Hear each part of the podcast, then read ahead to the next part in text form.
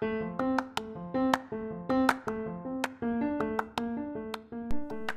uitzending van Boos over grensoverschrijdend gedrag bij The Voice of Holland heeft ontzettend veel losgemaakt.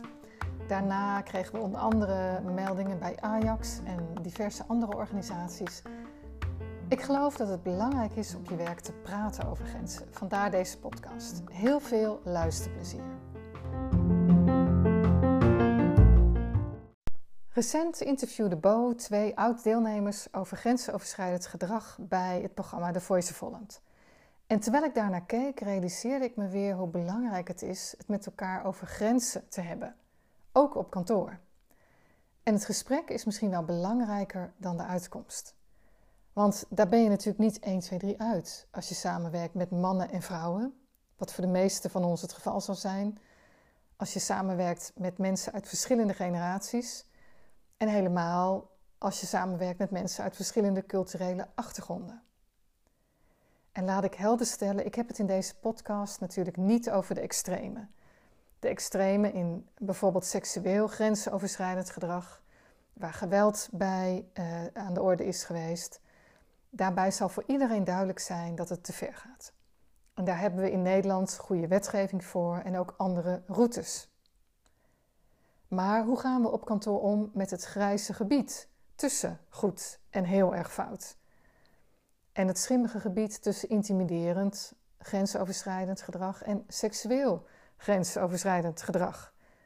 Dat kan dicht bij elkaar liggen, maar het is niet hetzelfde. En we scheren het allemaal heel makkelijk over één kam. En kun je grensoverschrijdend, het grensoverschrijdend noemen als grenzen niet benoemd zijn? En waar ligt dan die grens? En wie bepaalt dat? Als het over grenzen gaat, is grote zorgvuldigheid en hele precieze communicatie geboden. In de trajecten die ik begeleid is het overschrijden van persoonlijke grenzen dagelijks aan de orde. En natuurlijk niet dagelijks bij iedereen, maar er is iedere dag eigenlijk wel iemand in de organisatie die ervaart dat zijn of haar grenzen overschreden worden. En het is vooral ingewikkeld als hiërarchie en macht aan de orde is. Want die machthebbers die zijn zich meestal van geen kwaad bewust. Die realiseren zich gewoon niet hoeveel macht hen wordt toegedicht. Want die denken, ja, ik ben toch net zoals vroeger, hè, toen ik geen leiding geef of niet hoogleraar was of geen arts of niet hoog op de hiërarchische ladder was opgeklommen. Maar die macht die kleurt wel degelijk hun gedrag en vooral hoe anderen dat ervaren worden. Of hoe anderen dat ervaren, moet ik zeggen. Dus je moet als machthebber gewoon meer op je tellen passen. En ik zal daar later nog een speciale podcast over opnemen. Maar als je kijkt naar een paar voorbeelden, denk er maar eens over na. Een hand op je knie met de opmerking: Het komt wel goed hoor. Is dat acceptabel of niet? Voor jou. En als die hand nou op je schouder ligt en op je heup en als het jouw leidinggevende betreft die dat doet, waar gaat het de grens over voor jou? Of een tweede voorbeeld. Wat heb jij ontzettend mooie benen? Toevallig eentje uit mijn eigen praktijk. Nou, ik denk al twintig jaar geleden. Ik hoop dat ze nog steeds zo mooi zijn. Maar iemand zei letterlijk tegen mij: Wat heb jij ontzettend mooie benen? Terwijl ik iets stond te kopiëren. Zou dat acceptabel zijn voor jou? Een mooi compliment toch, zou je zeggen, als een collega dat tegen je zegt. En als je leidinggevende dat zegt. En als jij vrouw bent en die leidinggevende man, hoe is het dan? Of een derde voorbeeldje. Houd je bek, roept je puberzoon. Acceptabel of niet? En stel nou dat een collega datzelfde zegt. Hou je bek. Of je leidinggevende. Waar ligt voor jou de grens? Of het kan zijn dat die persoon zegt: hou nou eens op te zeuren, zo doen we dat hier nou eenmaal. Eigenlijk dezelfde boodschap. Maar is het dan wel acceptabel? Het laatste voorbeeldje, ook uit een van de interviews echt gebeurd. Iemand die grapt: Ben jij ook met de boot gekomen? Tegen een collega uit Marokko. Acceptabel of niet? En is dat bijvoorbeeld grappiger dan ik wou dat het al rokjesdag was? En maakt het dan nog uit wie het zegt, een collega of je leidinggevende? We nemen op kantoor zo makkelijk aan dat iedereen om ons heen begrijpt wat normaal gedrag is.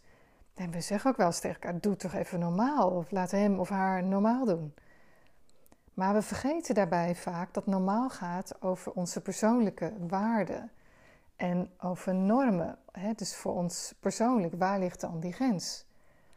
Want wat wij normaal gedrag vinden, is onder andere bepaald door onze opvoeding, eh, door de opleiding die je gedaan hebt, ook zeker door je culturele achtergrond of je religieuze achtergrond, misschien ook de andere werkervaringen. En vrijwel niemand in jouw omgeving heeft exact datzelfde pakketje en dus exact dezelfde bril op als jij.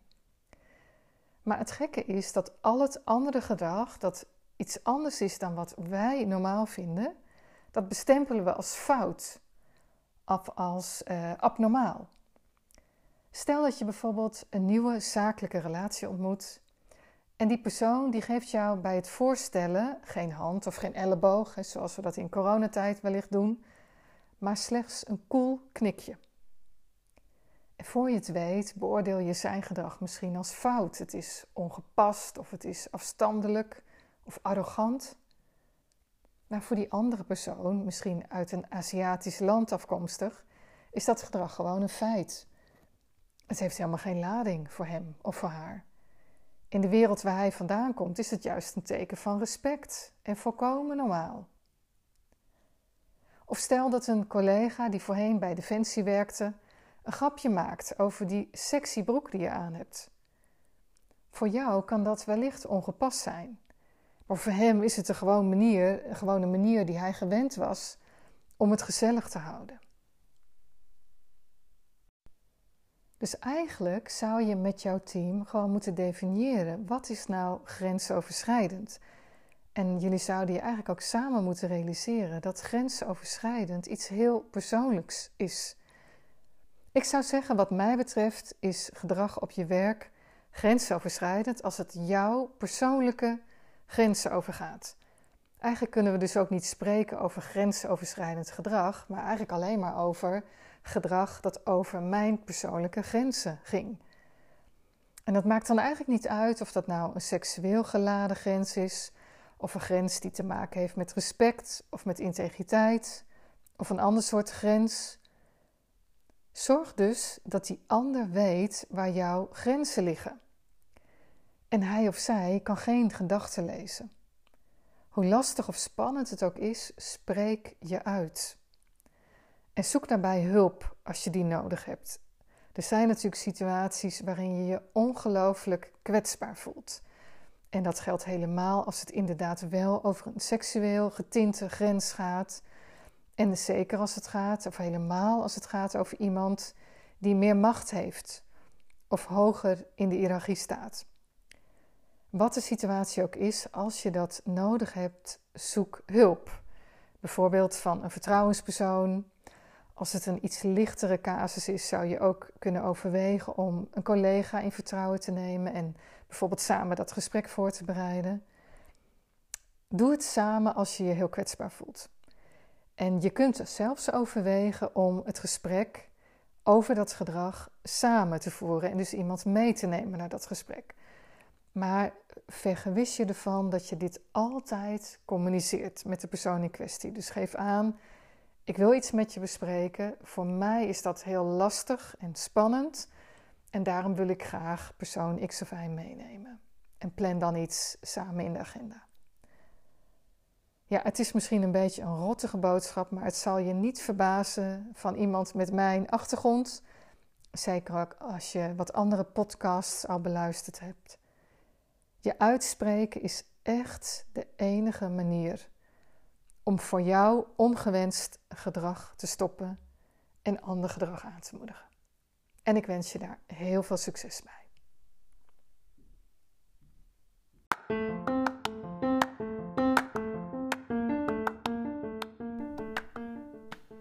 Dank voor het luisteren naar deze compacte podcast. Ik beloof jullie, ik zal nog veel meer opnemen over grensoverschrijdend gedrag, over de invloed van macht, over daders, redders en slachtoffers, over Dat het niet gaat over mannen en vrouwen, want iedereen vertoont wel eens grensoverschrijdend gedrag. En hoe je bijvoorbeeld kunt omgaan met uh, het vermoeden dat jij wellicht voor iemand grenzen overgaat. Hoe je de signalen daarvoor kunt oppikken. Dus to be continued. Dank voor het luisteren. Mocht je nou meer informatie willen hebben, kijk dan even op www.succesvolaanspreken.nl. Dus www.succesvolaanspreken.nl. Dank voor het luisteren en heel graag tot de volgende keer.